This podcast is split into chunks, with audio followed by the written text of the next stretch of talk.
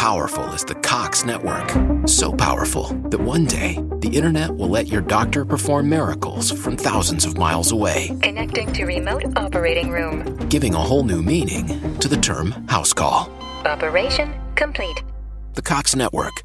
With gig speeds everywhere, it's internet built for tomorrow, today. Cox, bringing us closer. In Cox serviceable areas, speeds vary and are not guaranteed. Cox terms apply, other restrictions may apply.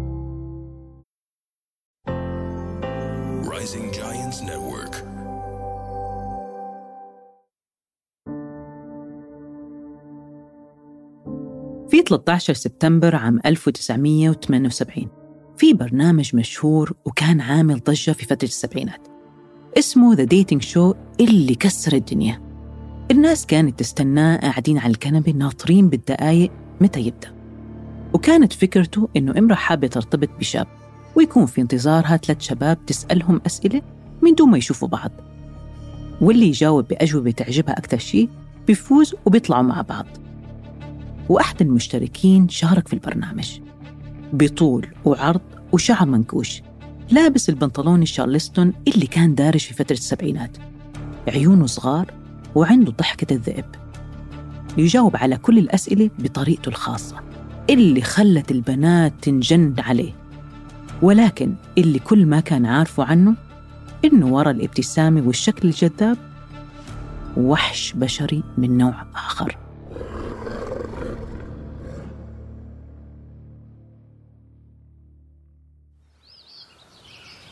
وفي تاريخ 25 سبتمبر عام 1968 في أول اليوم على الساعة تقريبا 7 الصبح الجو كان دافي ومشمس وأغلب الناس كانت رايحة على الشغل.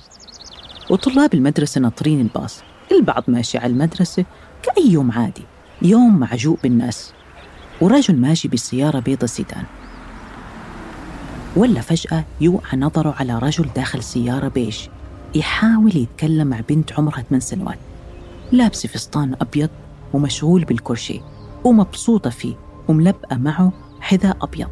الرجل بيوقف السيارة ويبدأ يتكلم معها ويسألها أسئلة وتجاوبه وتكمل طريقها ويرجع يوقفها مرة تانية ويقول أنا بعرف أهلك. تعالي ادخلي أنا حوصلك على المدرسة وحابك تشوفي صورة يعني جميلة جدا. الرجل الغريب اللي لمحهم أول مرة قاعد يراقب شو اللي عم بيصير بس من بعيد. البنت وقفت شوي وبعدين ركبت السيارة معاه. والرجل الغريب مبحلق عيونه وقرب راسه حتى يشوف اللي عم بيصير. وقلبه وقع من الخوف وحاس إنه في شيء مش طبيعي. انتظر حتى شاف البنت دخلت على بيت الرجل وعلى طول بلغ الشرطة. ويبلغ عن الأشياء اللي شافها وأصر إنه لازم يجوا بأسرع ما يمكن. هيدا الرجل الله جابه في الوقت المناسب. وتجي الشرطة على طول في مكان اللي تم وصفه ودق الشرطي اللي اسمه كريسكو ماتشو الباب. يفتح الرجل البرداي بكل حذر ويقول الشرطي إنه هذا المنظر اللي شافه خلى جسمه يقشعر. اللي شافه الشرطي بثواني ولا ممكن ينساه. رجل بشعر طويل ومنكوش أسنان بيضة وملامح حادة من خلف الستارة. يجاوب الشرطة أنا آسف هلأ خلصت حمام وطلعت. الشرطي شك فيه وحس إنه كذاب لأنه ما في ولا قطرة مي على شعره والرجل كان بدون ملابس. الرجل جاوب بسرعة حلبس وأفتح الباب على طول أعطيني شوية وقت. كريس يجاوبه عندك بس ثلاث ثواني تفتح الباب وإلا حنقتحم ويبدأ يعد وتمر خمس ثواني. والشرطة تكسر الباب. وتدخل الشرطة على منظر ولا في أفلام الرعب. الدم في كل مكان. الحذاء الأبيض وملامس الطفلة على أرض المطبخ. وكانت البنت تنزف وفي حالة مزرية. تعرضت للاعتداء والضرب بعصا حديد.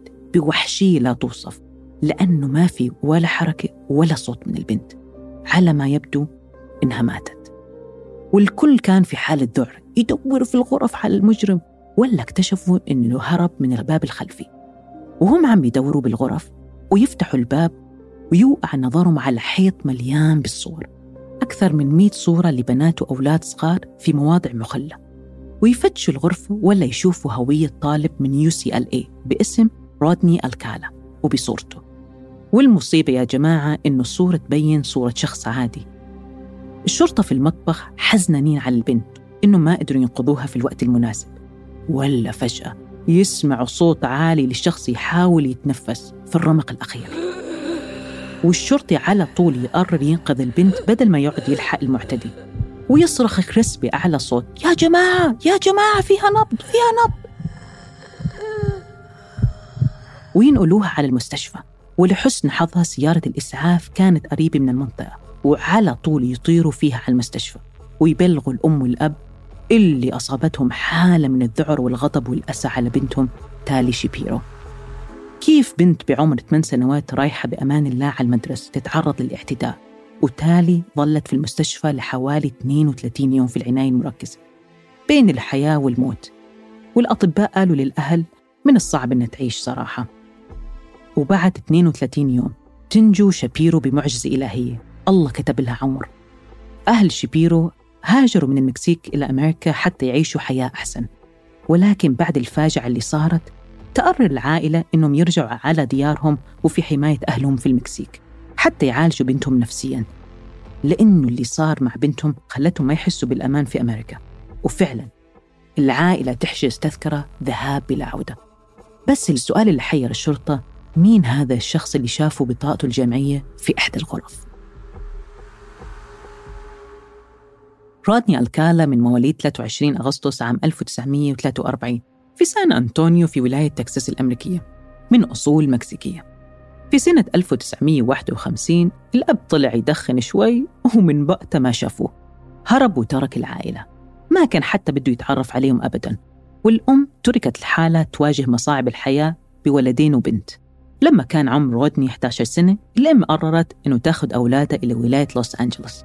تدور على فرص أحسن للحياة. وفعلا الأم تعوض أولادها عن غياب الأب وتدخلهم أحسن المدارس وكانت الأم الحنون والحازمة في نفس الوقت. وبسبب اجتهادها وحرصها عليهم أولادها كانوا مجتهدين. وبعد فترة اشتغلوا في مناصب عالية. وألكالا كان موهوب في المدرسة. ومع مرور الأيام يكبر ويصير عمره 17 سنة ويلتحق بالجيش الأمريكي ويشتغل كعامل في الجيش. بس بعد فترة من الخدمة ولا فجأة تصيبه حالة نفسية وعصبية ومو قادر حتى يكمل. والموضوع خلى رجال الجيش يخضعوا لاختبارات يتأكدوا شو اللي صاير معه وتدخل أطباء حتى يشخصوا حالته ولا طلع عنده اضطرابات في الشخصية غير أنه كانت شخصيته انطوائية. وأجمعوا على أن يفصلوه من الجيش لأنه مكان حساس وصعب يخلوا حد مثل الكالا يكون في الجيش. ويقرر ألكالا بعد حادثة الجيش أنه يكمل تعليمه ويلتحق بجامعة UCLA للفنون. الكالا لقى شغفه ويتخصص في الجامعة في مجال التصوير وكان من ألمع الطلبة شاطر وذكي وحبوب شكله جذاب طويل شعر طويل وعنده شخصية جذابة الناس كانت تحبه وكان مغرم بشيء اسمه تصوير يمسك الكاميرا ويصور ويصور. بس السؤال شو اللي كان يصور هون القصة؟ الشرطة بعد ما عرفوا إن المجرم كان يدرس في UCLA راحوا يتكلموا مع الأساتذة. على طول أكدوا وقالوا إنكم أكيد مشتبهين بشخص الغلط لأنه الكالا شخص ولا ممكن يأذي حتى حشرة أكيد في اشتباه في الموضوع اللي حير رجال الشرطة. والجدير صراحة بذكره بهالفترة فترة الستينات أواخر الستينات وفترة السبعينات كانت أمريكا في حالة من الفوضى والجرائم. الشرطة توصلها المئات من البلاغات عن اختفاءات وجرائم عنف وكانت تأخذهم وقت طويل لحتى يحلوا أي قضية. وفي هالوقت يدوروا على الكالة ولا في أي أثر كأنه فص ملح وذاب وبكل بساطة الكالة على طول حجز أقرب طيارة وطار إلى نيويورك يدور على شغل. بس طبعا باسم مستعار وشكل جديد. وبعد تدوير لقى شغل كمساعد في كشاف للبنات في جامعة أنوايو اللي كانت عز الطلب. والناس تحبه يساعد العالم بما إله بحدا شخص هادي وذكي وتستقر أحواله. وتمر الأيام والسنين. وفي هالفترة في تاريخ 24 يونيو عام 1971 كورنيلا كريلي فتاة جميلة عيون زرق شعر بني طويل وجمال وشخصية. تتعرف على حب حياتها في فترة الثانوية اسمه ليون اللي كان أكبر منها بحوالي عشر سنوات. وبعد ما تخرجت كان حلمها تتوظف في شركة طيران اسمها TWA وتكون مضيفة طيران. وفي فترة السبعينات هذا كان حلم أغلب البنات. شغلة لها وزن وكانوا يختاروا النخبة غير الميزات والبرستيج. كورنيلا تنتقل إلى غرب منهاتن مكان سكن أغلب مضيفات الطيران وتختفي. الأم تتصل عليها ما في حدا يرد. ترجع تتصل عليها بدون فائدة وتتصل على ليون. الأم تقول إنه قلبها حاس إنه في شيء مش طبيعي ويطمنها لا ما في شيء أنا بنفسي حروح وأشوف البيت. ليون يوصل على البيت ويدق على الباب. ما في حدا يفتح الباب. ويتصل بالشرطة. الشرطة حاولت تدق على الباب عدة مرات بدون فائدة تدخل الشرطة من الشباك الخلفي. يدخلوا على البيت على منظر بشع اللي خلى الصحافة تتكلم عن الحدث لفترة طويلة. شافوا البنت مخنوقة بشراب نايلون ومحطوط الشراب كمان نايلون على تمها حتى ما تصرخ. وتعرضت للاعتداء والضرب والعض حتى فارقت الحياة. العالم انجنت لما سمعت القصة والكل كان مستغرب. مين الحيوان البشري اللي ممكن يرتكب مثل هالجريمة؟ وبالأخص إن الشرطة الأمريكية كانوا مشغولين بالمجرمين المتسلسلين مثل تيد بندي وسان أوف سام وغيرهم. فترة السبعينات كانت من الأصعب أمنياً. وبسبب الأحداث اللي كانت صايرة قضية كورنيلا كانت غامضة ما عرفوا القاتل. بس أخذوا كل الأدلة من مسرح الجريمة لعله وعسى تفيدهم بعدين.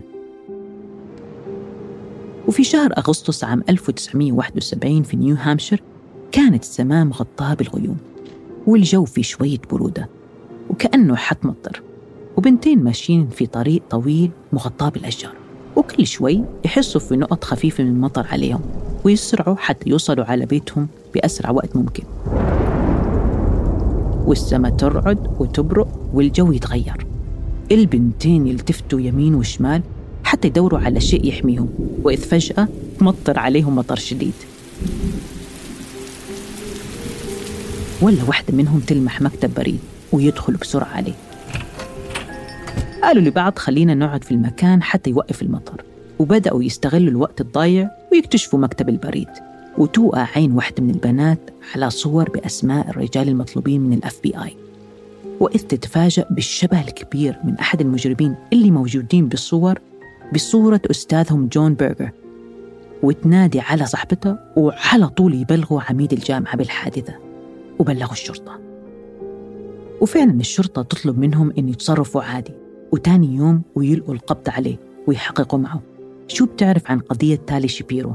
بدأ ينكر هذا اللي عمل العمايل هو رادني مش أنا؟ على طول تتصل الشرطة بعائلة تالي شبيرو وعلشان يشهدوا ضده كانت المشكلة إنه الأب كان في المكسيك ويرفض رفض قاطع ويقول مستحيل يعرض بنته للموقف الصعب مرة تانية وتكون على مواجهة بالمعتدي. مستحيل. والشرطة تحجزه في السجن.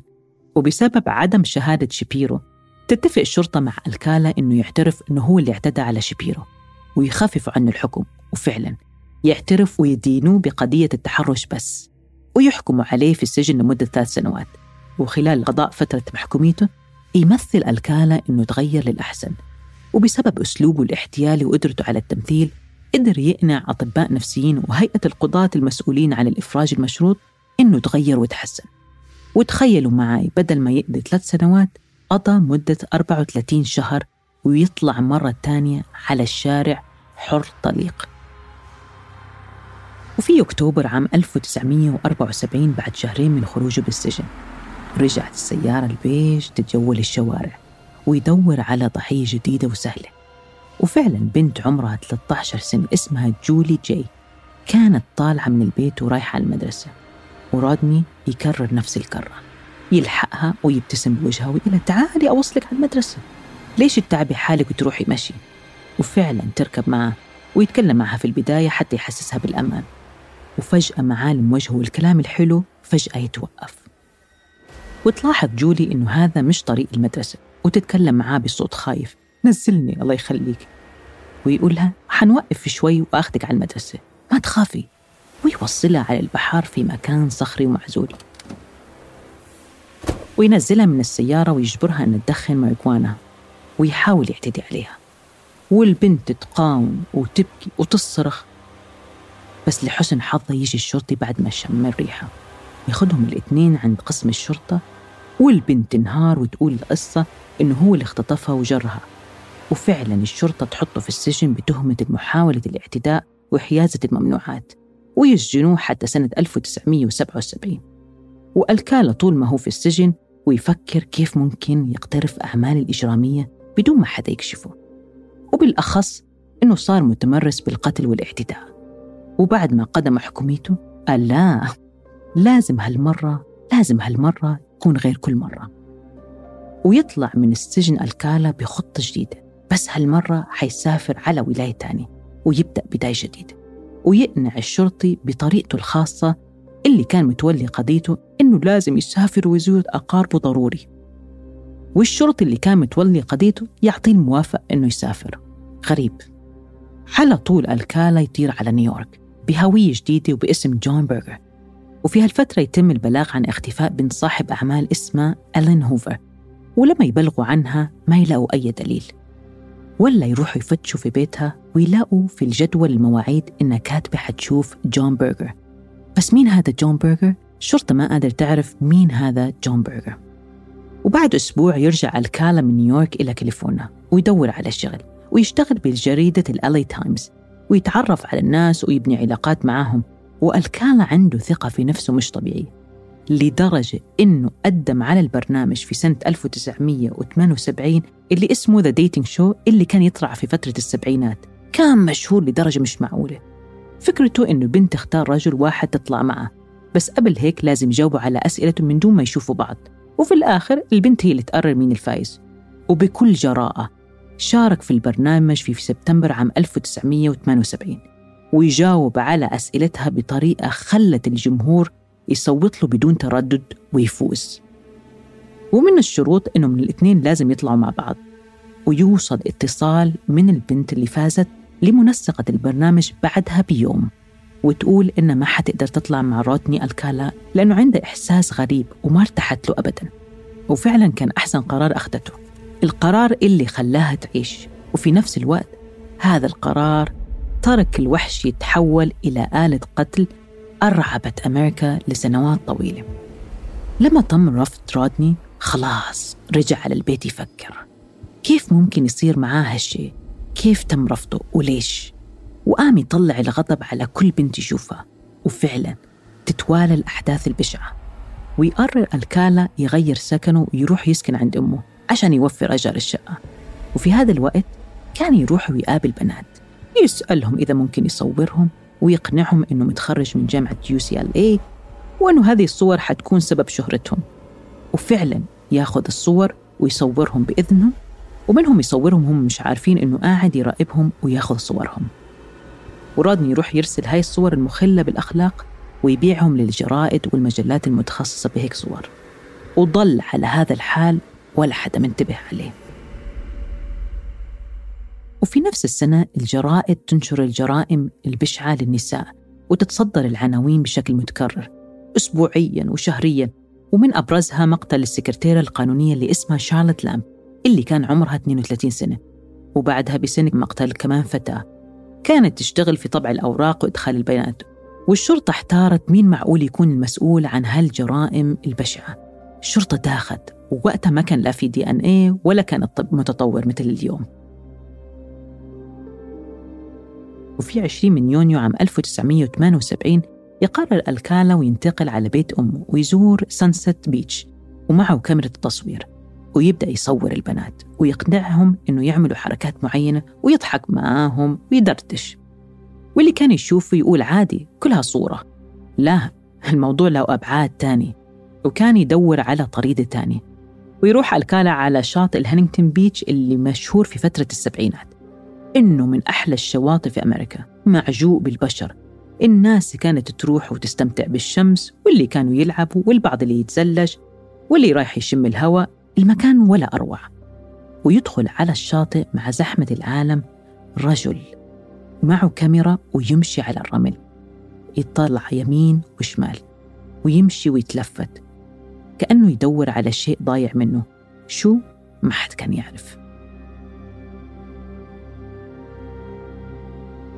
وفي نفس الوقت بنتين واحدة اسمها روبن سامسوي عمرها 12 سنة. شقرة وطويلة بعيون خضر جميلة وكانت أصغر بنت في عائلتها المكونة من بنتين وشابين. دلوعة ومحبوبة ورياضية ومسؤولة. وفي فترة الصيف اتفقت مع معهد الباليه ترد على الاتصالات مقابل أن تحصل على دروس باليه. ويوم من الأيام كانوا ماشيين حتى يروحوا على هانينغتون بيتش. ورجل طويل بشعر منكوش يبدأ يتكلم معهم ويقول لهم إنه مصور وحاب يصورهم.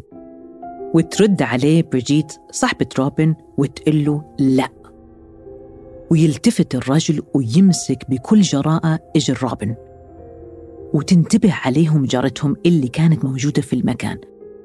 وتبدأ تتكلم معاه وتسألهم مين هذا الرجل؟ هل عم بيزعجكم؟ على طول الرجل نزل راسه وراح وبعد شوي. والبنات قرروا أن يروحوا على بيت بريجيت يلعبوا وتصير الساعة أربعة. وعلى طول روبن تتذكر وتقول أنا عندي شغل. على طول تقوم وعلى طول توقف وبدها تطلع برا البيت. تقترح عليها صديقتها بريجيت إنه تاخذ دراجتها. وتقلها ما توقفي لحد. ويسلموا على بعض. وروبن تأشر بإيدها. مع السلامة. على الساعة خمسة يتصل أخو روبن على بريجيت ويسألها لسه عندك روبن؟ لأنه الشغل قالوا إنهم ما شافوها. بريجيت ردت إنه راحت من ساعة وشوي. والأهل يوقع قلبهم. يدوروا عليها بدون أي فائدة. لا في أثر لروبن ولا لدراجتها ويبلغوا الشرطة. الأم تصرخ في الحي.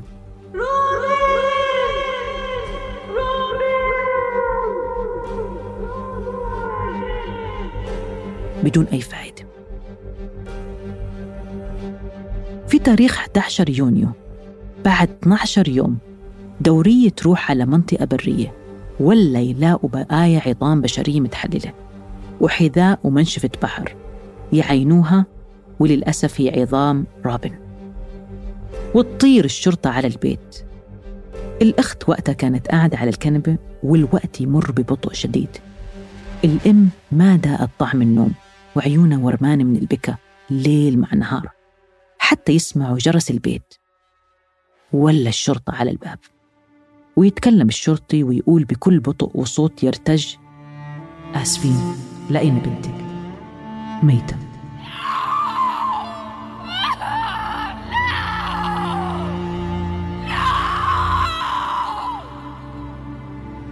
الأم تصرخ بأعلى صوت وتنهار وتصر إنها لازم تشوف جثة بنتها والشرطي يبكي ويقول لقيناها متحللة. والأم حياتها صارت جحيم. الشرطة تروح عن صديقة الضحية وياخذوا منها الأقوال ويرسموا صورة تقريبية للمجرم. والمفاجأة إن الشرطي اتصل لما شاف الصورة التقريبية اللي كان متولي قضيته واللي سمح له يسافر على نيويورك. وقال إنه هذا هو رودني الكالا. على طول الشرطة بعد محاولات طويلة وتلقي القبض عليه واحتجزوه والشرطة تدور على أدلة ضده وتثبت تورطه في الجرائم. الشرطة فتشت بيت الكالا وقع نظرهم على فاتورة لمستودع في سياتل واشنطن. بس ما كان عندهم الإذن أنه ياخذوا أي شيء. ولكن الشرطي أخذ صورة عن الفاتورة. تعبت الشرطة محتاجين أدلة دينه. وإذ يوم من الأيام تزور أخت الكالا السجن ويتكلم بصوت خافت ويقلها روحي بسرعة على غرفة المخزن في سياتل وتخلصي من الأدلة.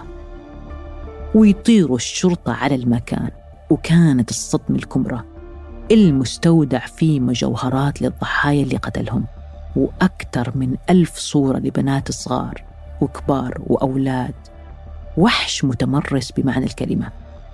يحيلوا للمحاكم وأم رابن تدخل على القاعة ومعها مسدس بدها تنتقم منه. وفي آخر لحظة تغير رأيها. وبعد عرض الأدلة يحكموا عليه بالإعدام في عام 1980 أهل الضحايا بدأوا تبكي من الفرحة ولكن الفرحة ما تمت. على سنة 1984 المحكمة تقلب الحكم ويرجعوا ينظروا إلى القضية من أول وجديد. الأم تنهار وتستسلم للأمر الواقع. وفي سنة 1986 يحكم عليه بالإعدام مرة تانية الأم ترتاح وأخيرا تمت العدالة. وفي سنة 2001 وينقلب الحكم مرة تانية هون الأم اتدمرت وصارت تبكي وتتوسل في الميديا. إنه خلاص متى ينتهي العذاب النفسي؟ وفي 2003 بيتطور فحص الدي إن إيه ويربطوا الكالة لجرائم أخرى. وتستمر الشرطة وتجمع كل الأدلة للدين وفي عام 2010 بيأكدوا حكم الإعدام عليه بالجرائم اللي ارتكبها بحق الضحايا. وأخيراً أهل الضحايا أخذوا حقهم من المجرم المتسلسل الكالة. وفي سنة 2021 يموت الكالة موتة طبيعية في سجنه بكل هدوء وهذا الهدوء اللي حرمه لضحاياه. وتنتهي قصة القاتل المتسلسل رودني الكالا ويبقى السؤال اللي حير المحققين هو كم عدد الحقيقي لضحايا اللي قتلهم رودني الكالا والجواب للأسف اندفن معاه للأبد وبهيك سكرنا ملف القضية